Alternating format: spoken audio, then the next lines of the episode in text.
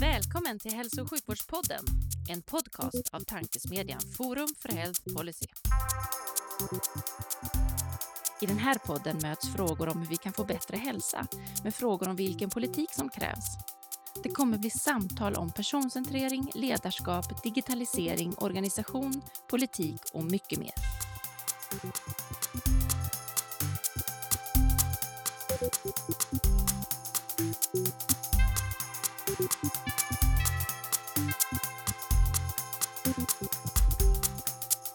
Hej och välkomna till Hälso och sjukvårdspodden, tankesmedjan Forum för Health Policys initiativ för att sprida goda idéer och tankar kring dagens och framtidens hälso och sjukvård och omsorg. Jag heter Magnus Lejelöw och arbetar till vardags för Colivia, men är även ambassadör för Forum för Health Policy. Och vid min sida har jag idag en kunnig och engagerad ledare från Stockholmssjukvården i allmänhet och reumatologin i synnerhet. synnerhet. Varmt välkommen Sofia Ernstam. Tack! Det blir jättekul att ha den här podden tycker jag. Vi sitter här en fredag eftermiddag, då blir man liksom lite, lite extra peppad. Eh, peppad på att svara på frågan. Hur tror du att svensk hälso och sjukvård ser ut 2040? Ja, alltså det är en sån span, det blir spanarna av det här då, fredag ja. också. Exakt. Att, eh, men jag brukar inte tänka så mycket på det. Jag brukar tänka liksom väldigt mycket här och nu. Vad gör vi nu? Men jag hoppas att vi kommer ha mycket mer att vi utgår från patienterna och invånarnas behov när vi sjukvården arbetar. Och att eh, vad gäller kronisk sjukdom, det är ändå utgångspunkten hos mig, det är ju ändå liksom lite olika. Vad är uppdragen? Och vad gäller kronisk sjukdom med, där man behöver mycket hög kompetens från kanske många medarbetare, men där helt avgörande för resultaten är patientens egen kunskap och hur, hur mycket den själv känner att den klarar av och så. Att man är mycket mer empowered, namn är engelskt ord, men, men jag tror att liksom, där har vi en nyckel till att faktiskt eh, komma och få bättre hälsa för många människor. Eh, och att man kan mer. Och det är, i, I det långa loppet är det en demokratifråga tycker jag. Att vi delar med oss, vi som har gått utbildningar, vi måste dela med oss av vår kunskap och också lyssna mer på patienternas behov och, och ta in det så att vi anpassar oss efter vad människorna behöver. Mm. Vän av ordning skulle kunna säga att ja, patientcentrerade och liksom, eh, lyssna på behoven, det har vi gjort. Det gör vi alltid. Det är liksom målet med sjukvården har varit sedan Hippokrates dagar. Vad, vad, tror du vi kommer göra annorlunda då om, eh, framåt för att få det att hända? Alltså, vi har lyssnat på patienterna i mötena Ibland ska jag säga, eh, om man tittar tillbaka. Jag, jag försökte göra det, jag försökte liksom ja. dra den till sin ytterlighet, jag håller med jo, dig. ibland.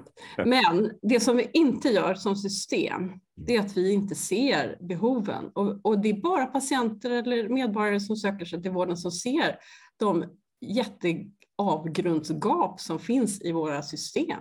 Mm. Att det liksom är, ja, jag skulle hit och sen skulle jag få en röntgen, men jag vet inte hur, hur, hur, det ska gå till eller när får jag svaret? Eller, ja, så alla de där gapen finns. Och sen tror jag också att vi alltid behöver ställa oss frågan till om vi träffar Ja, vad är viktigt för dig? Vad, behöver, vad vill du kunna göra? Och, och vad är målet med, vad är viktigt i ditt liv? Och är det något som du skulle vilja göra som du inte kan göra?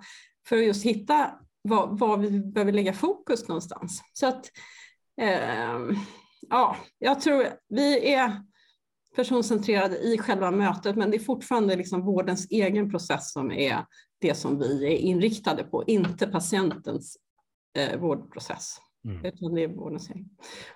Mm. Tror du kommer vi kommer vara knutna till samhället runt om oss? För nu, du pratar en del om behov, vad, vad är viktigt för patienten och mycket av det som är viktigt sker ju utanför vården. Mm. Hur, tror du, hur tror du att kopplingen kommer att vara liksom med, med civilsamhället i övrigt? Ehm, det finns ju kopplingar redan idag med patientorganisationer och eh, ja, samhället i stort, idrottsrörelsen, skolan. Eh, det finns ju många organisationer, kyrkorna, alltså, som spelar roll för människors hälsa på olika sätt eh, redan idag. Jag hoppas att det blir starkare och kanske också att det här ja, lokala tror jag kommer bli starkare. Ehm, att jag såg någon skylt om att man skulle säga hej till sina grannar. Det är ju självklart egentligen, men, men det kanske är så att vi behöver få lite heads up där. Eh, mm. Så att jag tror att Eh, men sen tror jag också att det kommer finnas väldigt mycket som man som, är, som person kan göra själv för att riskvärdera sig, ta tag i olika saker och, eh, som man behöver i sitt liv för att nå en bättre hälsa. Och, och då behöver sjukvården finnas där och samhället finnas där för de som själva inte har de förmågorna och kan göra det. Vi behöver finnas i skolorna och finnas för barnen så man ser till att alla har förutsättningar även om man inte, inte kommer från en miljö där det finns. Mm.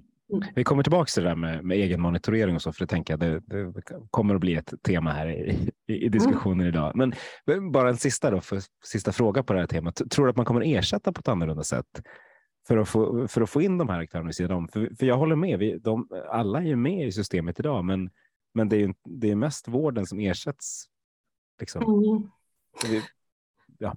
Eh, alltså jag tycker ersättningsfrågorna är ju jag brukar försöka inte börja med dem, utan eh, vi gör bra grejer för patienterna, vi gör bra eh, tjänster och vad är det de behöver och sen får man utveckla därifrån och sen försöka motivera att eh, vi behöver jobba på något annat sätt. Och sen när det handlar om systemomställningar så här så om man säger vården, jag tror vi kommer alltid ha fullt upp att göra. Det är inte så att vi kommer effektivisera bort oss, utan men däremot behöver vi, för att klara av den ökningen som kommer ske, så måste vi, och också för att det blir mycket bättre för medborgarna och patienterna, låta dem själva bemyndiga personerna så att de tar ett större ansvar för kanske också blir bättre om man styr upp sin vårdprocess. Ja, men jag vill lämna blodprov här och här och inte på den här tidpunkten och inte när vården hade tänkt det. Eh, så att jag tror att det blir mer som, som man kan styra själv och det kommer ju göra att vården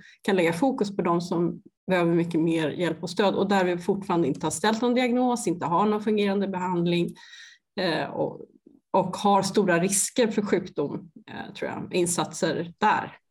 Mm. Så att, och därmed sagt så Ja, eh, det här som sker utanför, jag vet inte riktigt hur den ska ersättas. Det väl, kommer säkert bli en del av vårt dagliga liv och att eh, det, ja, viss peng behöver gå in där, men vården kommer ju säkert behöva lika mycket fortfarande. Så att det är ju, för att ro i land det där så behöver man nog tänka att det kanske är försäkringslösningar eh, som skulle kunna vara en modell. Mm. Ja, det är bara en intressant fråga just mm. utifrån ett preventionsperspektiv och jämlikhetsperspektiv så är den liksom svår. Jättesvår. Mm. Men du, jag tänker att för, för lyssnarnas skull så, så, så, berättar vi direkt vem du är. Så att, mm. eh, nu har jag fått mjuka upp det med liksom fram, lite framtid så, så, att du är här och nu. Men Sofia, ska du inte berätta, vem, vem är du och, och hur, hur, kom du dit, mm. dit du är idag? Ja, eh, jag är reumatolog och eh, har arbetat med reumatologi länge och också kom in i kvalitetsregisterfrågan ganska tidigt, jobbade lite på nationell nivå, kvalitetsregister. Var också med i utvecklingen alldeles i uppstarten av Nya Karolinska Solna under några år, eh, för drygt tio år sedan. Eh, så jag har jobbat mycket med utveckling av hälso och sjukvården och var också med och tog fram egen provhantering som en tjänst eh, tidigt för också tio år sedan ungefär. Så det har alltid intresserat mig och, och just också i mötet med patienterna att sett det här att det är jätteviktigt att de får med sig bra verktyg och känner sig att de kan lita på vården men att de också vet vad de kan göra själva och styra sin behandling till viss del. Och, eh, ehm, ja, att man är varse om de levnadsvanor som kan vara viktiga eh, och som faktiskt kan göra att man får mycket bättre resultat också Eh, för reumatiska sjukdomar och många andra sjukdomar också. Så att eh, någonstans där så, så och sen när vi startade här på Akademiskt specialistcentrum med eh, Centrum för reumatologi så blev jag verksamhetschef för sex år sedan drygt. Och sen har vi då dessutom nu Centrum för diabetes, Centrum för neurologi med MS och Parkinson, Övikscentrum och en liten klinisk prövningsenhet också som jag är verksamhetschef för. Och det är väldigt roligt att jobba med kroniska sjukdomar eh, och också alla de här olika patientgrupperna, för de har ju sina olika behov. Men det finns otroligt mycket som också förenar och gör att man kan gå mellan de här enheterna och eh, ta bra saker och sprida och testa igen och göra om. Eh, så, så det är väldigt, eh, jag har väldigt roligt på jobbet. Eh, och eh, det är väldigt kreativt. Det är också ett stort utvecklings och innovationsuppdrag egentligen som vi försöker ro i land. Har jobbat mycket med Allt är öppet, varit pilot för Allt är öppet, nästan alla tjänster och testat och eh, gjort fel tidigt så att det blir bra tjänster i, längd, i långa loppet. Mm. Och för er som, som, bara lyssnar nu, eller bara lyssnar, för er som, er som lyssnar så ska ni se att Sofia var utstr hela hon utstrålar att hon tycker jobbet är kul. Sånt mm. går, går genom skärmen kan jag säga. Ja. Eh, om, om vi då, det var så många trådar att, att ta i här som jag, som jag vill ta i, men om, om jag börjar med kvalitetsregister, för jag har ställt frågan till, till flera andra gäster i den här podden, varför är vi så dåliga på att liksom duplicera bra saker? Du, du har ändå liksom varit med och drivit fram ett kvalitetsregister som som ju var liksom, ja, men så är det som många tycker är det bästa, eller var det bästa i alla fall. Varför, varför, varför har vi liksom inte blivit bättre på att få, med, få det över hela brädet? Få sno alla idéer från det? Eh, det har vi väl gjort, tänker jag. Vi har över hundra kvalitetsregister. Det finns ju jättemycket. Men, ja, men, de, men de är ju olika bra de, och de ja. används olika mycket och de är olika mycket. Inom reumatologin så, så, så använder man register för att se när liksom, ett läkemedel ska användas eller när en intervention gör bäst nytta. Och det gör man ju inte i de andra fullt ut. Ja, alltså det är en svår fråga, men Eh, dels så tror jag att kvalitetsregistren, de är bra på en sak och det är de här sjukdomarna som är ganska straightforward. Mm. När man har en komplex patient, som ju ganska många är faktiskt, att man inte bara har ledgångsreumatism utan bröstcancer och diabetes, då är man ju med i flera andra register. Och, och då kanske behov, behovet från patienten egentligen, jag tror ju att vi står inför nya sätt att följa upp kvalitet mm. och patientsäkerhet också. Kvalitetsregistren följer ju ofta Eh, upp utfallen, men de negativa utfallen är vi kanske, i alla fall i reumatologin, lite sämre på att följa upp. Så att jag tror att, och de kanske inte ses hos oss, utan jag tror att eh, om man pratar om vad man ska följa upp så tror jag att vi behöver följa upp mer av patientsäkerhetsrisker. Eh, hur mycket slutenvård på infektionskliniker ställer vi till med i reumatologin till exempel? Eh, ja, få siffror på det. Det skulle kunna lära oss väldigt mycket mera. Och för att ta reda på det idag så behöver vi göra stora forskningsprojekt och då är det ganska gamla data som vi kan jobba med. Det skulle jag vilja ha mycket mer i realtid, mer av undvikbar vård. Så det hoppas jag blir nästa, när vi nu har de här kvalitetsregistren som alltså data som finns och som vi arbetar med och blir strukturerade i journalen, att vi faktiskt också kan få ut mera på sidan av och också ställa oss frågan vad kan jag göra vad kan vi göra i vår specialitet för att underlätta för någon annan primärvård eller eh, kanske signalera risker på ett annat sätt. Det tror jag vi behöver jobba mer med. Mm. Har du några idéer om hur man ska göra det? För det, lät ju, det låter som en viktig sak. Jag, är, jag, jag, jag försöker göra lite svart eller vitt vad gäller kvalitetsregister, för jag håller med dig. Det finns mycket mer man skulle kunna göra. Men, mm. vad, hur, hur, tror, har du någon tanke på hur man skulle kunna få till det där och, och vem som liksom skulle driva igång det? Jag tror alltså man kan, man kan väl, och det gäller egentligen allting, man kan faktiskt börja där man står idag. Vi har ett journalsystem idag och det finns möjlighet att lägga in röda flaggor. Eh, och eh, ja, att vi lägger in en röd flagga om man står på immundämpande läkemedel, för då ser man att det här är en risk för, eh, och då ser hela andra system, hela systemet ser det. Eh, att den här patienten står på immunöppande läkemedel när man kommer in på akuten. För de heter ju jättemycket konstiga namn och byter hela tiden så det förstår jag att det är svårt att hålla ordning på. Men då behöver vi ta ansvar för, för att flagga det mm. Eh, så att man inte bommar heller att man står på en droppbehandling som kanske gavs för ett halvår sedan som eh, gör att man är, har högre risk för covid till exempel. Mm. Ja. Så att sådana, såna, det är ett exempel som jag mm. tror är viktigt. Mm. Ja, men för du har ju ganska komplexa områden om man tittar på både diabetes och, och, och MS och reumatologi. Det är ju liksom breda som du säger sjukdomar som hänger ihop med varandra. Hur, hur gör ni för att, få, liksom, för att få så mycket synergier som möjligt av dem där och lära er så mycket som möjligt av patienterna?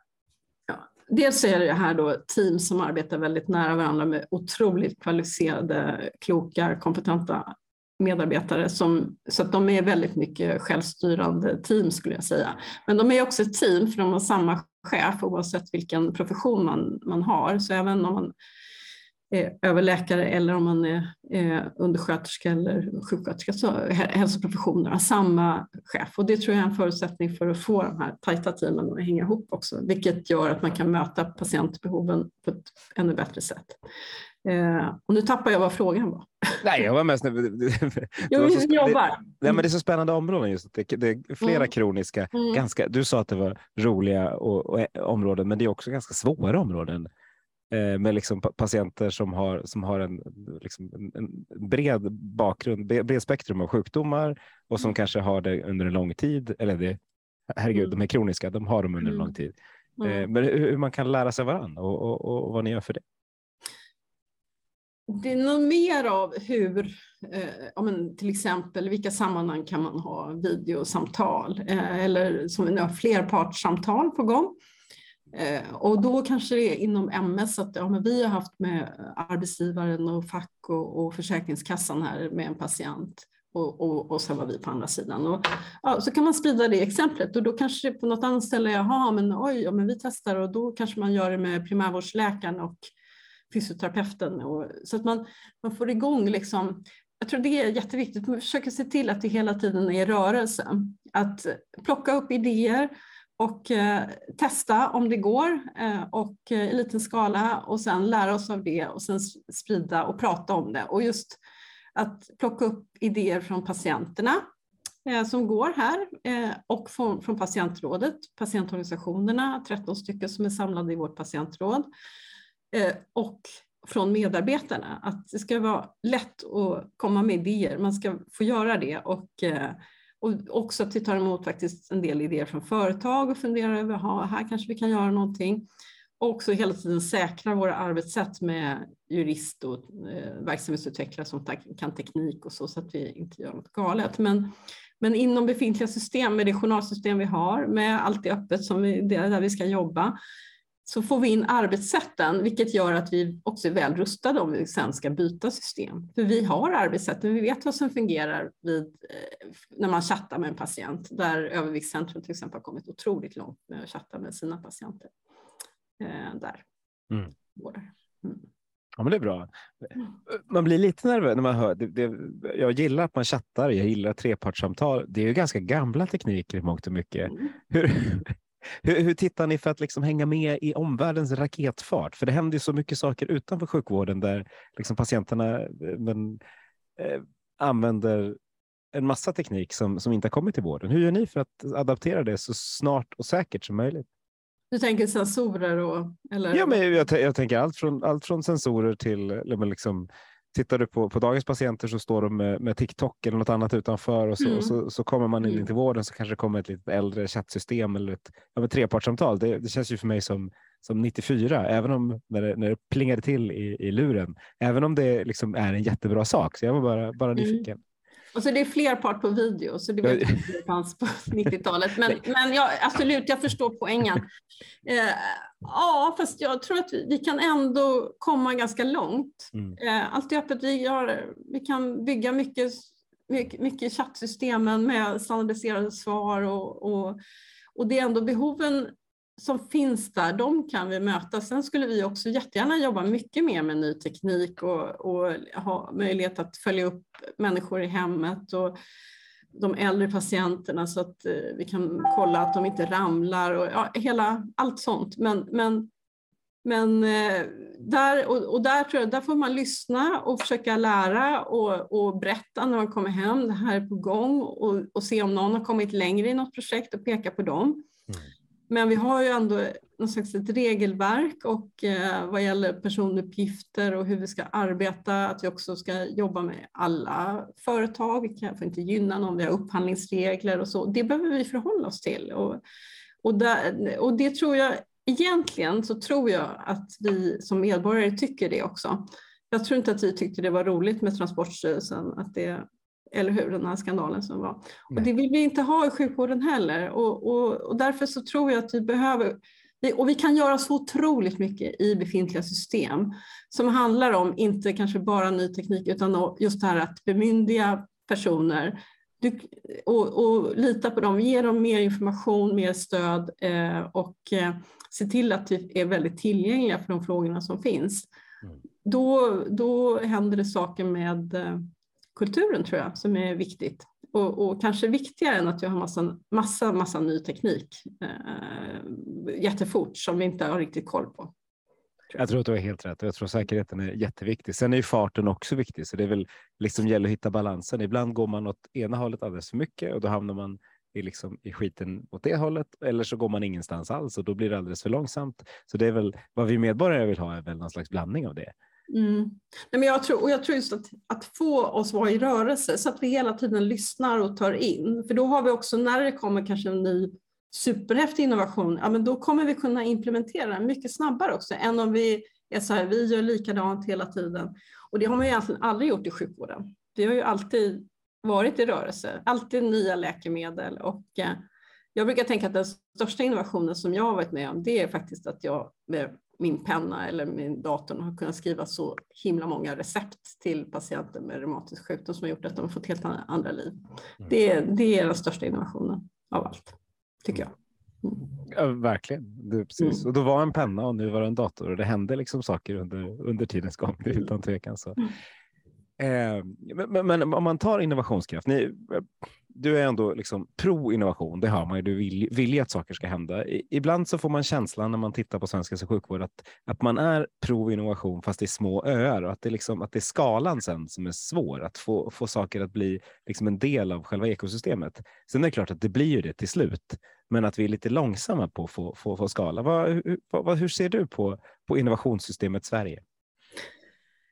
Um, nej men det är ju, vi är ju liksom en förvaltning och en myndighet till mycket också och det där behöver vi göra men vi behöver göra både och. Vi behöver också utveckla hela tiden och, och för mig är det, det är inte antingen eller utan vi måste göra både och hela tiden och eh, också utmana förvaltningen då när det kommer, ja, hur ska vi ersätta det här? Och, ja och eh, ha en dialog hela tiden med stabsfunktioner och beställare, politiker och, och patientföreningar. Hur, hur ser det ut? Och Läkemedelsindustriföreningen. Det kan vara andra som man behöver jobba med mm. för att, för att utveckla det. Och då behöver vi vara i rörelse hela tiden. Och då kan en innovation både vara liksom ett nytt arbetssätt eller att man plockar in någon ny teknik. Eller, och där, eh, jag tror mycket på det här små, alltså att få alla verksamheter egentligen att vara i rörelse. Det är det viktiga. Då tror jag att det kommer kännas som att eh, sjukvården utvecklas mer också. Och, och jag tror mycket på det här att eh, faktiskt fundera över hur, hur det är när man kommer till sjukvården.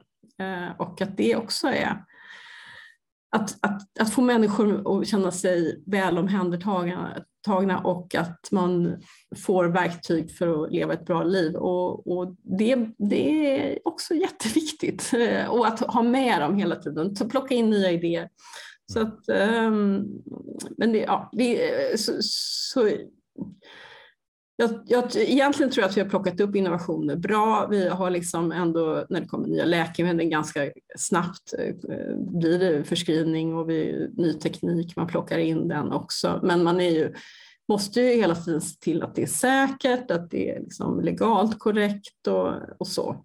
Och gör man inte det, då åker man lite i diket och det har det ju varit och det, så ska det ju vara. Det, man måste ha det där på plats.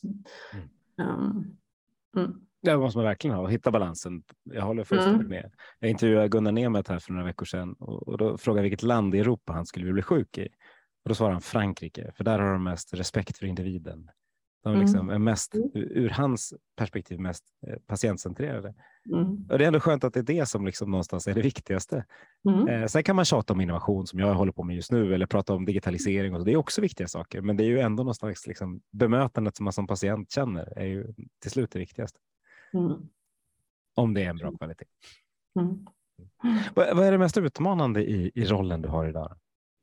Alltså det är ju inte gå på lösning för fort. För mig personligen är det det. Eh, att lugna, vänta in, fundera över andra, alltså eh, jobba tillsammans. Det försöker jag för sig verkligen göra. Men, men eh, att, att vi som grupp inte går på lösning för, för snabbt utan eh, lyssnar in eh, patienterna, eh, lyssnar in medarbetarna, testar idéer i småskala så att man inte man kan ha visionen av att vi ska hit. Men, Men, eh, och sen också ha tålamod ibland, att det inte är moget. Liksom. Man kan inte plocka ner om det inte medarbetarna och, och cheferna är med. Eh, och, eh, man måste ha med alla.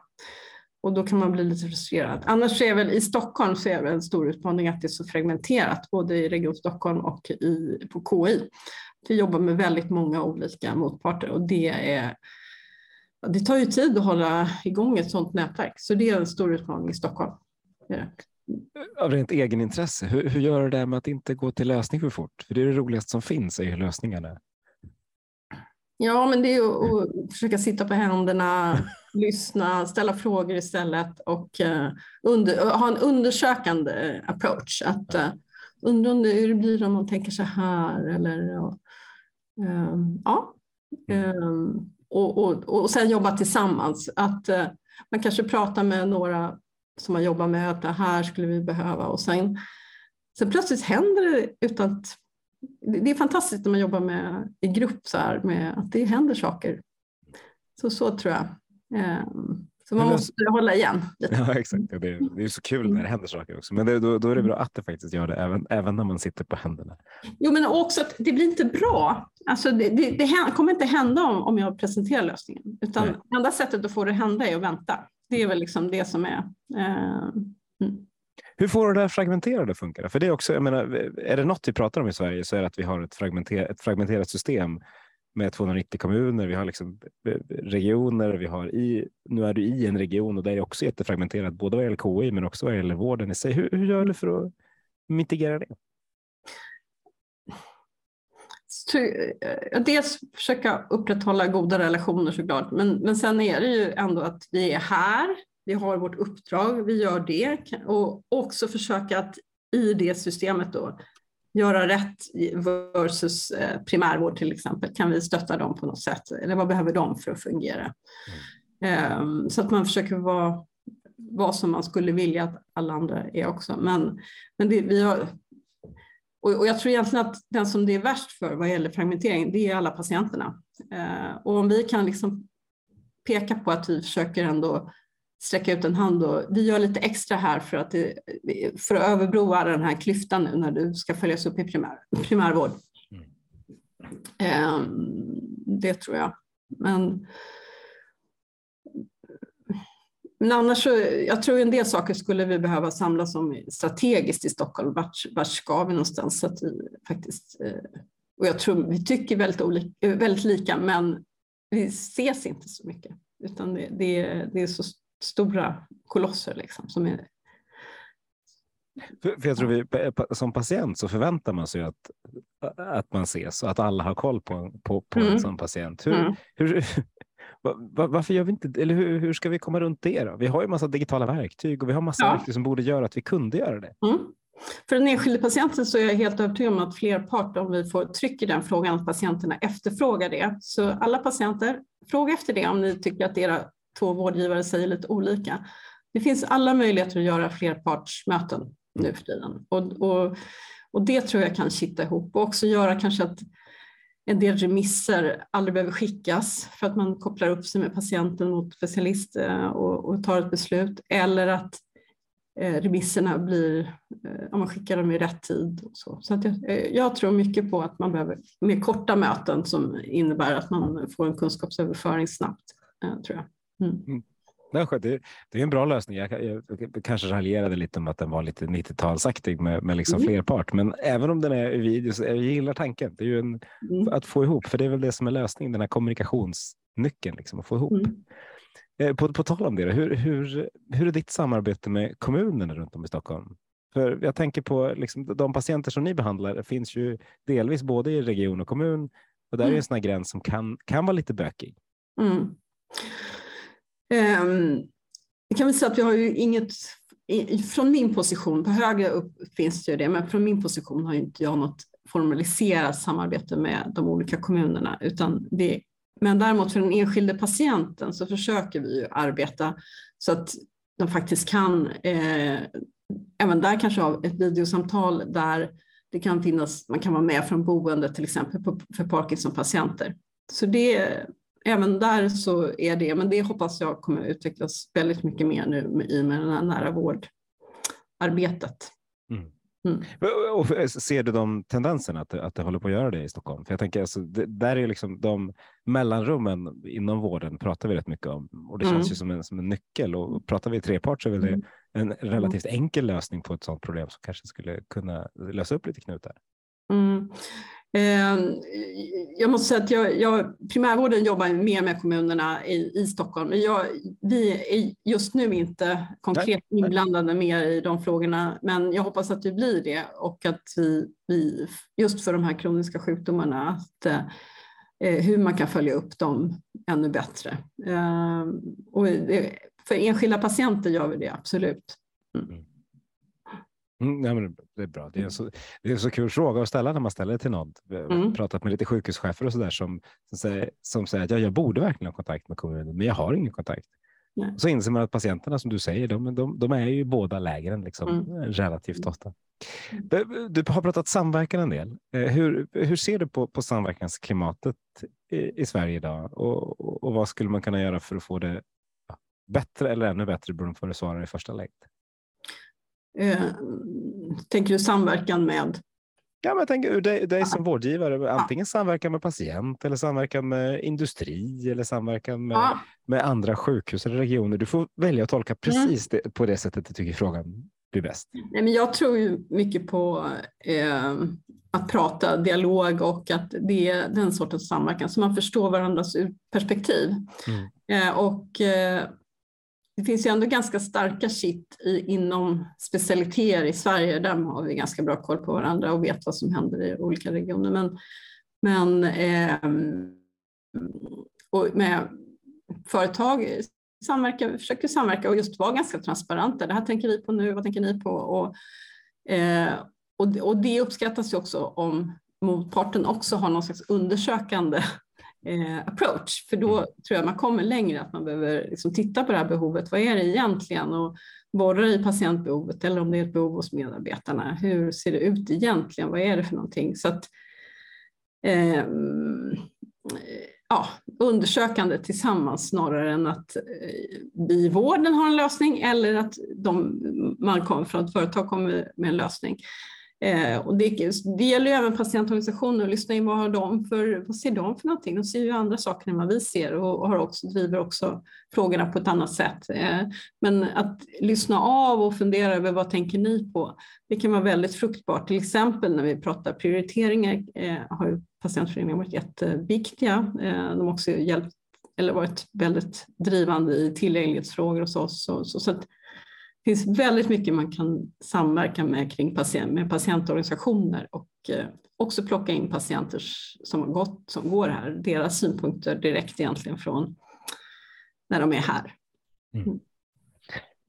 När vi eh, försnackade lite innan eh, så sa mm. du, just nu en av de viktiga frågorna på bordet handlar om egen monitorering och få det att liksom flyga mm. än mer. Hur, mm. hur, kan du berätta, vad, vad, gör ni idag och vad, vad, vad tänker ni framåt?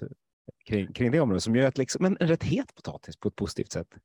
Ja, precis. Eh, vi har, jag ger exempel från Överviktscentrum där vi har eh, patienter, ganska många unga, men eh, patienter som har BMI på 40 och över, eh, övervikt och de behöver ju, ja, de får behandling här, inte kirurgisk, men kanske inför kirurgi eller efter kirurgi kan det vara också, men, men en del som aldrig går till kirurgi heller, när man jobbar med beteende förändringar och eh, nu har också kommit en del läkemedel som är på gång in.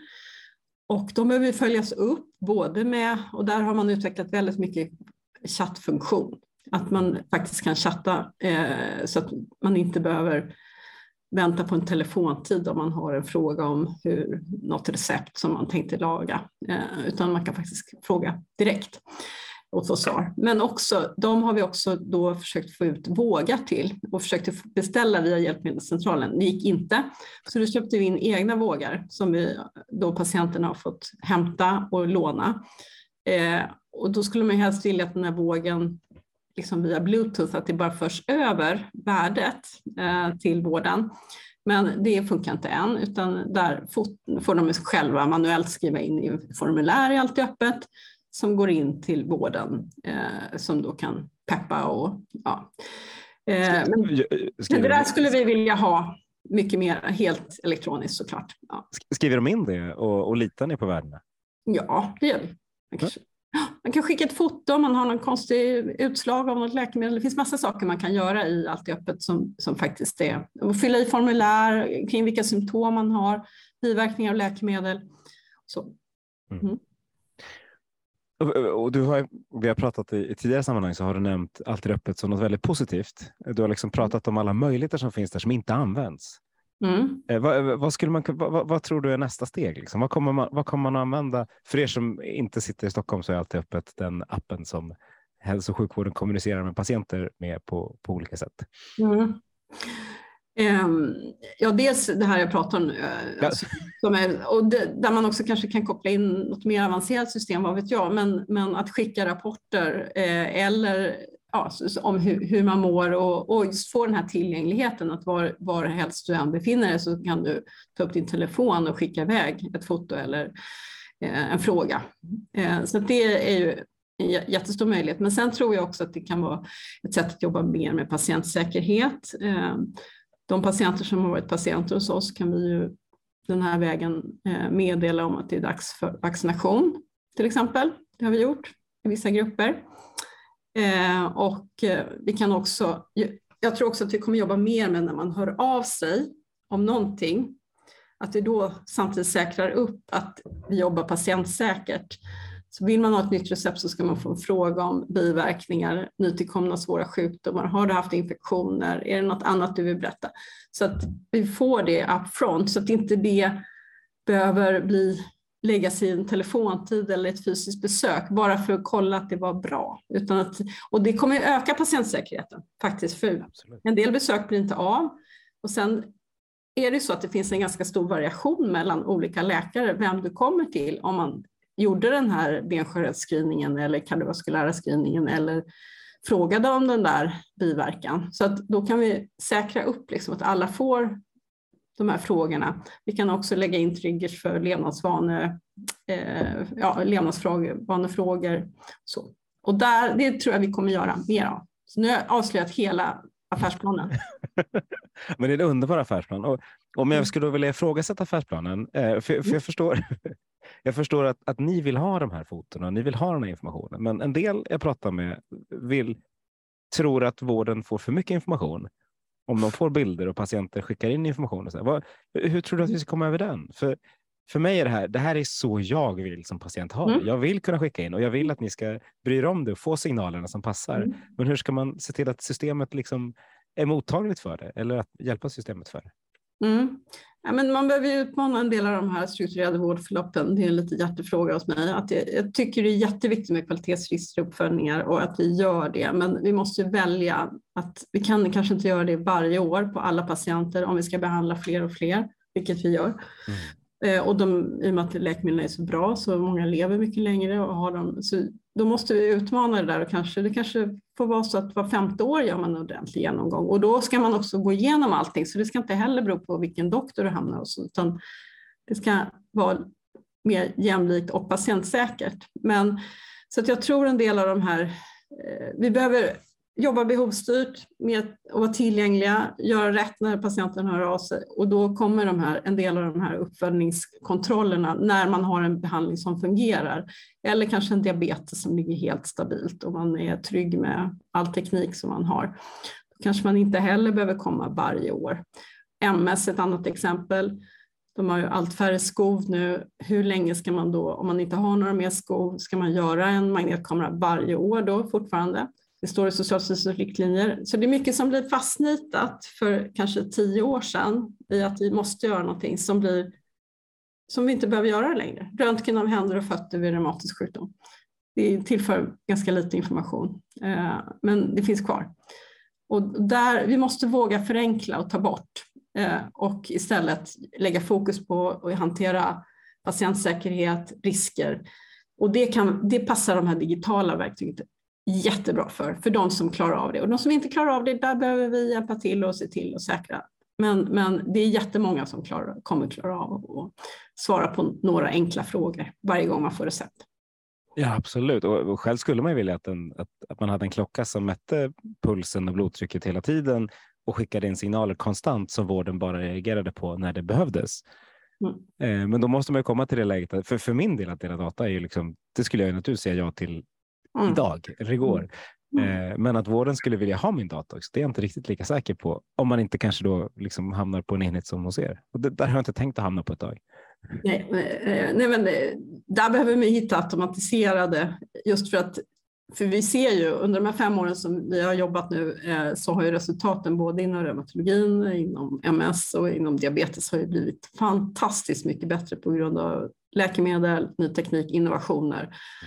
Men vi har ändå vår vårdprocess. Så det är väl det som är jätteviktigt att man utmanar. Att ska vi verkligen kalla hit folk då? Eh, och småbarnsföräldrar som...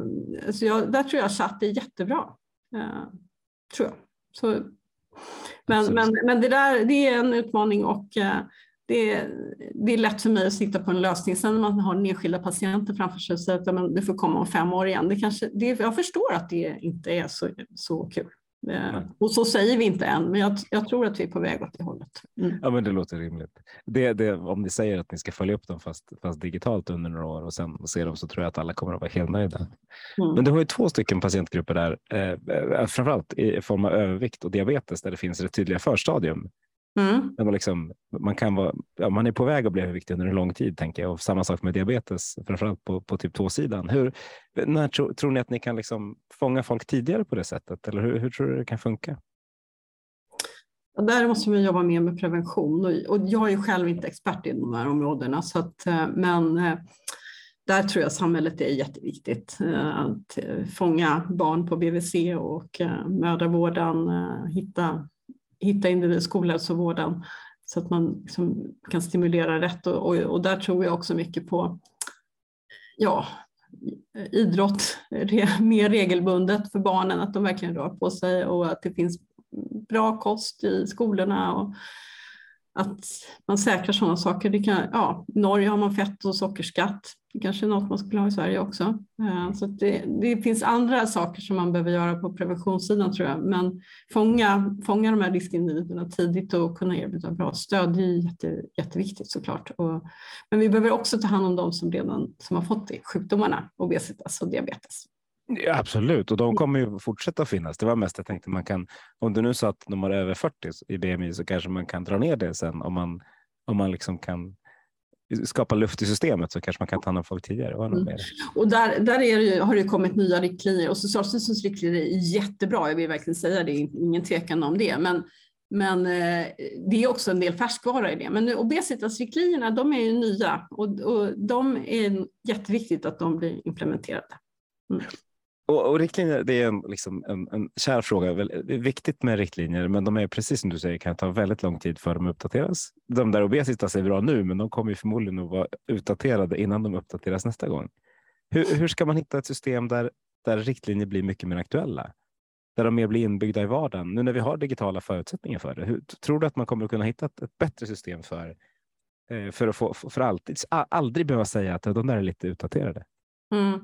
Jag tycker att eh, professionsföreningarna ofta, jag tänker i alla fall på reumatologin, där har vi varje år uppdaterade våra riktlinjer och de eh, Socialstyrelsen är inte alls lika ofta och inte alls lika detaljerade heller. Så att där fin det finns ju redan ett sådant jobb och, och, jag tycker att det är helt rätt att det är professionerna som ska arbeta med det, kanske tillsammans med patientföreningen i vissa fall och också se till att man jobbar liksom över, över professionsgränserna. Eh, men, men eh, sen behöver man ju bolla upp det mot de som betalar också. Så att, och, och där är väl kunskapsstyrningen som ska finnas på plats. Men jag tror man ska lita på att professionsföreningar tar ett enormt ansvar i, i eh, det här kunskapsframtagandet och implementeringen. Eh, det är ett väldigt, jag skulle säga ändå, ganska finmaskigt nät för innan du blir specialist och hur man jobbar på de här olika enheterna och så som vi ska vara rädda om. Mm. Tycker du att de är tillräckligt bra på att ta hänsyn till alla olika yrkeskategorier? För ibland känns det som att man kanske liksom att, att reumatologläkarna är för sig och reumatologfysioterapeuterna är för sig. Nu ska jag inte säga att det är så, men jag får känslan ibland. Ja, jag tror mycket på samverkan över professionsgränserna och eh, att eh, också vad gäller en del kulturfrågor, laganda och så, så har ju läkarkåren en del att lära av andra faktiskt. Eh, tänka på, om man tänker på ledarskap, för nu nämnde du lite att det finns olika professioner och olika... Mm. Liksom, va, va, hur ser du på, på ledarskapet i, idag inom svensk hälso och sjukvård? Och vad, kan, vad, vad ska vi bevara och vad kan bli bättre? Eh, alltså jag tror ändå man ska snegla lite på andra branscher eh, och fundera över hur ledarskapet ser ut i sjukvården och eh, också fundera över i Sverige, vi, vi har en hög utbildningsnivå, det är ett ganska icke-hierarkiskt samhälle och inom sjukvården så har vi byggt ganska mycket hierarkier som har gjort också att patienterna kanske hamnat längst ner ibland. Så jag tror vi behöver fundera över hur, hur eh, kulturen är och jag tror mycket på eh, ja, ledarskap, följarskap, att om man jobbar med experter, så jag, ja, de kan så, alla medarbetare här kan så mycket mer än vad det är tillsammans som vi har en, en kompetens eh, som bygger på att alla, alla tar sitt ansvar och, och, står upp för det och att vi jobbar tillsammans och försöker lära varandra på ett prestigelöst sätt. Så att, så att, eh, någonstans att, att, att vara, med, vara en en av många och sen se till att man ger stöd till de som till medarbetare och till enhetschefer då, som jag är chef för, att, eh, vad behöver de för att fungera och göra sitt jobb och, och försöka lyssna och fånga upp saker som man hör och eh, samtidigt som man har en riktning som då handlar om att eh, patienterna ska få så bra bemötande och så mycket kunskap som möjligt så att de klarar sig och inte behöver oss så mycket. Det är målet. Eh, och eh, de som behöver oss mycket ska vi se till att möta på ett bra sätt. Så att det, man behöver liksom, ja, det är komplext är det, men, eh, mycket att eh, tänka att man jobbar tillsammans med, med många. Och sen försöka skapa någon slags kreativ miljö också. Att, våga testa eh, och våga fråga, våga undersöka på något nytt sätt och att inte inte mycket så här, ja men så har vi alltid gjort, utan, utan mer av eh, fundera över hur blir det här bra och våga fråga patienterna. Och, um, ja, och jag tappar det här jätteofta också. Det är ganska ofta jag sitter i möten, men här, nu skulle vi haft en patientrepresentant med som vi har missat eller inte tänkt på för att vi springer och tänker att vi, vi vet redan vad de tycker. Men det gör vi inte. Men då har du nått, nått nivån medvetet inkompetent och då har man ju kommit långt när man faktiskt vet om att man gör fel ibland. Mm. Ja. Eh, ja, för ledarskap är en, är en, stor fråga. Det är naturligtvis det, det, det är ingen, det är liksom ingen, finns ingen Gordic-knut man bara kan, kan lösa, men det är väl väldigt det är skönt att höra att du ser både ser att det finns saker att göra, men också ser att eh, liksom involveringen av alla kommer att göra det bättre. Mm. För min känsla är att det inte alltid är så inom hälso och sjukvården. Nej, eh, så kan det vara. Eh, och det, jag tror just det här att sätta, sätta både sig själv men också medarbetarna i rörelse. Att mm. vi gör någonting och, och, och fokusera också på det nya snarare än att fundera över hur vi gjorde förut. tror jag. Ljuv musik i mina öron. Mm. Om man då ska vara lite, så här, lite galen och titta utanför och, och plocka in någonting från omvärlden. Om du fick, fick plocka någonting från idrottsrörelsen och något från bankväsendet. Är det något du skulle vilja liksom plocka in för att krydda svensk hälso och sjukvård? Men bankväsendet är det ändå att man faktiskt, om man har en digital bank, man kan ju göra allt där egentligen. Eh, och eh, också lite att de faktiskt passar på och gör saker när jag loggar in. Ah, har du sett den här nya saken som jag har gjort? Eh, det tycker jag att man har jobbat bra med, i alla fall i den banken som jag har. Mm. Um, det här var kul om det var så inom vården också. Att, ja, du loggar in. Det har du sett här. Nu kan du screena det här för benskörhet när du har kommit över 50 eller 55. Eller något. För det ja. känns ju som att det är helt optimalt. Vi har massa strukturerade ja. processer. Vi har väldigt mycket liksom, verktyg, men ändå så gör vi inte det. Nej, men det kommer vi kunna göra. Det är jag helt säker på. Så det, det, är väl från bankvärlden och idrottsvärlden så tänker jag dels liksom lag, teamandan i, i lagarbetet och sen om man tänker ja, Friskis och Svettis lite grann när man kommer in. Det, den som är bakom disken kanske tränar också. Det, man, är inte, man är välkommen på, alla har någon slags lika villkor.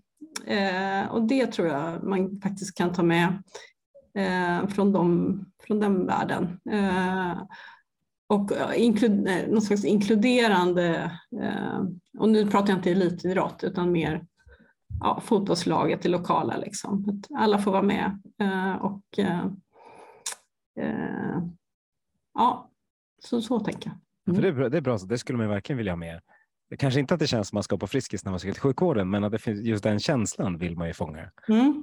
Jag vet, det var chefen på, på ortopeden på SÖS för massa år sedan tyckte att hans receptionister var för, för, liksom för dåliga eh, eller för otrevliga. Så han skickade dem att sitta på Clarion Sign i en vecka och gå med dem för att det var liksom det som var hans state of the art i hur, i hur man, hur man är som bemötande. Jag tror, jag tror vi kan lära oss ganska mycket av det där. Mm. Man borde rotera jobb lite mer. Ja, precis. Och att det, det handlar så mycket om hur i de här mötena vi får till, både digitalt hur känns det när jag loggar in i, i då 1177 eller mm. så?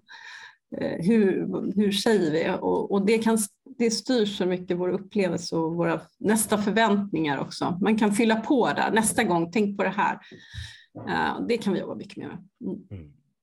Vad, vad, är din förväntan på framtidens hälso och sjukvård? Vad, vad, vad, ser, vad ser du själv när, om du mot förmodan skulle bli sjuk? Vad, vad har du för förväntningar som, på vården? Eh, nej men jag tror man behöver vara beredd på att medborgare är beredda att eh, ta mycket mer ansvar själv. Man kan tänka sig att gå in och läsa provsvar eh, i journal och eh, det är inte att tjuvtitta in i journalen utan det, det är liksom en del i jobbet. Att, eh, och, och, att ja, har man lämnat prover, man själv kan gå in och kolla, du måste inte ha ett besked ifrån, utan är det något jag undrar över så kan jag ställa en fråga. Så att, att vi faktiskt är kompetenta personer som har lärt oss. Många är väldigt högutbildade, man har lärt sig massa annat inom något område. Man är, lär sig jättemycket om man får en sjukdom, då läser man på hjärnet många. Mm. Och blir, så att man behöver, man behöver kunna möta upp det och, och då behöver man kanske kunna ja, ha, ha ett, man förutsättning för ett jämbördigt möte där patienten också är den som är expert på sitt eget liv och sin egen kropp eh, och kan berätta om det. Och det behöver vi kunna lyssna och fråga efter mm. mer. Ja, för, för, mm. för, förväntan är definitivt att man kan läsa provsvar. Alltså det, är, ja. det är snarare inte att man förväntar sig att vården ska lösa det, utan man vill ju ha saker snabbt. Mm. Man vill ha informationen snabbt och kunna ta beslut snabbt. Mm. Sen är det klart att det är bra att vården kan supportera. Men om man då tänker, eh, om vi blir mer kunniga som patienter och, och blir mer, liksom, ja, man kommer dit eh, och kan både vara en sjukdom men också att det finns mycket mer information tillgänglig för, för en läkare. Vad, vad tror du om läkaryrket i framtiden? Eh, tror du vi behöver liksom tänka om vilken typ av personer som, som blir läkare? Eh, för det, det, det, känns ju som att empati och att få ihop kunskap blir det absolut viktigaste. Mm. Jag har ju haft en studentkurs på termin 11 på Karolinska institutet och haft ganska ja, grupper på 12 studenter så, där, så vi har lärt känna dem under några veckor eh, under några år här och eh, jag är alltså otroligt imponerad ändå över vilken de studenterna och fina de är och eh, men, men eh, just hur, hur eh, man tar del av patienters berättelser och eh, upplevelser det är de inte så förberedda för. Så att eh, det har vi pratat om och de, jag har gott hopp. Men det som jag tycker är bekymmer är att de är kanske de är, ja, 25-30 år, kanske de är färdiga. Men sen måste man liksom, det tar jättelång tid innan det de ser i sjukvården, för det är så när man är ny, då ser man en massa saker som man tycker, det här, varför gör ni så här? Ja. Men den kraften tar vi inte tillvara särskilt bra. Eh, För att det tar så lång tid innan man tuggar igenom AT och ST och innan du ens i vissa sammanhang kanske får öppna munnen ens. Utan, och, och sen när man skolas man in i någon roll att man ska veta jättemycket och ha koll på allting, för det måste man naturligtvis. Men, men samtidigt med den här kunskapsmassan, det går ju inte, utan man måste ju bara vara, ha en klok person, vara en klok person och förstå när man inte kan och ta reda på det då, och också nätverk, kunna våga fråga vad man inte förstår. För det blir väldigt farligt att ha människor som tror att de kan massa saker när man inte kan egentligen. Så, så, så, men jag har gott hopp om, om, om mina framtida kollegor. Jag, jag tycker de verkar i stort vara fantastiska personer som, och också de ST-läkare som vi har här, verkligen. Eh, är väldigt imponerad av dem. Så jag, och också av många av eh, alltså, ja, kollegor. Det är människor är kloka, men men det är också så att man har skolats in i en roll som präglar en och att, att, eh, att kunna lossa från den är kanske inte alltid så lätt. Mm. Vad skönt, då, blir, då, då, känner jag mig lite trygg inför, inför framtiden. Jag blir lite orolig dock när jag hör det, det, det hörde du säger om att deras goda liksom, insikter från ja, när man kommer in som läkare, att, att det inte tas upp. Hur ska vi göra för att bli bättre på att ta upp det? För jag, jag förstår precis vad du menar och jag tror mm. att du mm. har väldigt rätt. Men hur ska vi göra för att, att man ska börja kunna kritisera tidigt och, och, och skapa, liksom, skapa nytta för systemet tidigt? Alltså det är precis som vi gör med patientföreningar, att vi lyssnar och försöker fråga vad, säger, vad vill ni? Eh, så behöver vi också lyssna på medarbetarna och de nya medarbetarna. Eh, vi har intro, intro, eh, en introtimmar med de nya medarbetarna som börjar inom Akademiskt specialistcentrum och, eh, och just försöker värna om och säga att nu, allt ni ser nu som ni kommer glömma bort om några månader, säg det nu, vi vill veta. Vad är det du ser? Som, vad, har du, vad har du jobbat förut? Hur gjorde ni? Är det saker ni gjorde bättre? Berätta. Eh, och är det något konstigt så vi vill veta det. Så att, och det tror jag är ett sätt att försöka fånga eh, ja, och, för, och få, ett, få liksom bränsle i förbättringsarbetet. Att människor att vi efterfrågar vad de tänker på. Vad, är, vad, tycker du att vi gör konstigt? Är det något som vi kan sluta göra? Eh, eller är någon far, ser du några risker här? Vad, vad, vad, tycker du vi skulle ta tag i? Att faktiskt eh, våga ställa de frågorna och då involvera de unga tror jag är jätteviktigt. Mm. Borde man inte göra det ännu oftare? Med, alltså, jag skulle i princip vilja ha systemet att man varje fredag eh, lät alla som har jobbat mindre än ett år reflektera och spela in en liten film på vad de har tänkt på under veckan som kan bli bättre. Och så mm. det någonstans. Nu vet jag inte vad någonstans är, men det är alltid schysst att skicka på, till någon eh, som faktiskt tar tag i det där och liksom skapar någon slags bank mm. av det. För mm. eh, jag, tror att det, jag tror att det finns en jättekraft i att kunna liksom, göra små förbättringar. Precis, och, och då tror jag egentligen på det här med chef och ledarskapet, att, att enhetscheferna som då har hela arbetsgruppen, de gör det som jag uppfattar det hela tiden, lyssnar av och, mm. och, och, och, just en del saker så här, men, nej, men det är inte moget än, vi kan inte använda den här molntjänsten för det här nu, men, men eh, vi tar med det, jättebra. Och sen kanske plötsligt en dag så har man någon lösning på det där behovet som hade dykt upp.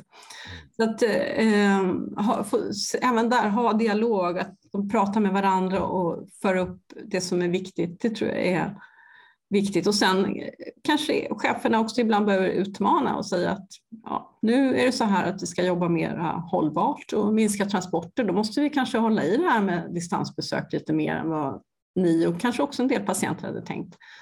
Mm. Och, och, och, det ingår ju också i chefskapet. Men, men att, um, att förmå det, orka lyssna och uh, se till att man är närvarande när man är där och sen uh, och då kanske ibland sitta hemifrån och jobba för att uh, få avbrut, obruten tid för, för något mer administrativt och saker man ska göra. Mm. Ibland behöver man det. Mm. Eh, på, tal om, på tal om tid, nu har, nu har vi pratat en timme ungefär. Eh, alltså det, det, jag, det kommer som, ett, som en chock varje gång när jag har så många frågor som jag ska ställa. Men mm. jag tror en timme är ganska lagom för en sån här podd när man ska lyssna. Eh, så jag tänkte fråga dig, när, du kom in i det här digitala rummet som vi sitter i nu, var det något du hade velat prata om som du känner att men det där har vi inte fått prata om? Um, jag tror jag har nämnt det allra mesta eh, faktiskt, som jag tänkte prata om. Det var jättekul att vara med. Ja, det var jättekul att du var med och det, jag tror mm. att, eller helt övertygad om att lyssnarna kommer att vara väldigt nöjda med, med att lyssna på det här samtalet också. För det är ett, både ett väldigt trevligt men också intressant och tankeväckande samtal, så då blir man, blir man glad av. Men då, då tänkte jag, då tackar jag dig varmast Sofia för, för att du var med i Hälso och sjukvårdspodden. Mm. Tack så mycket. Och tack alla ni som har lyssnat. Nu går vi ut och förändrar svensk hälso och sjukvård till det bättre.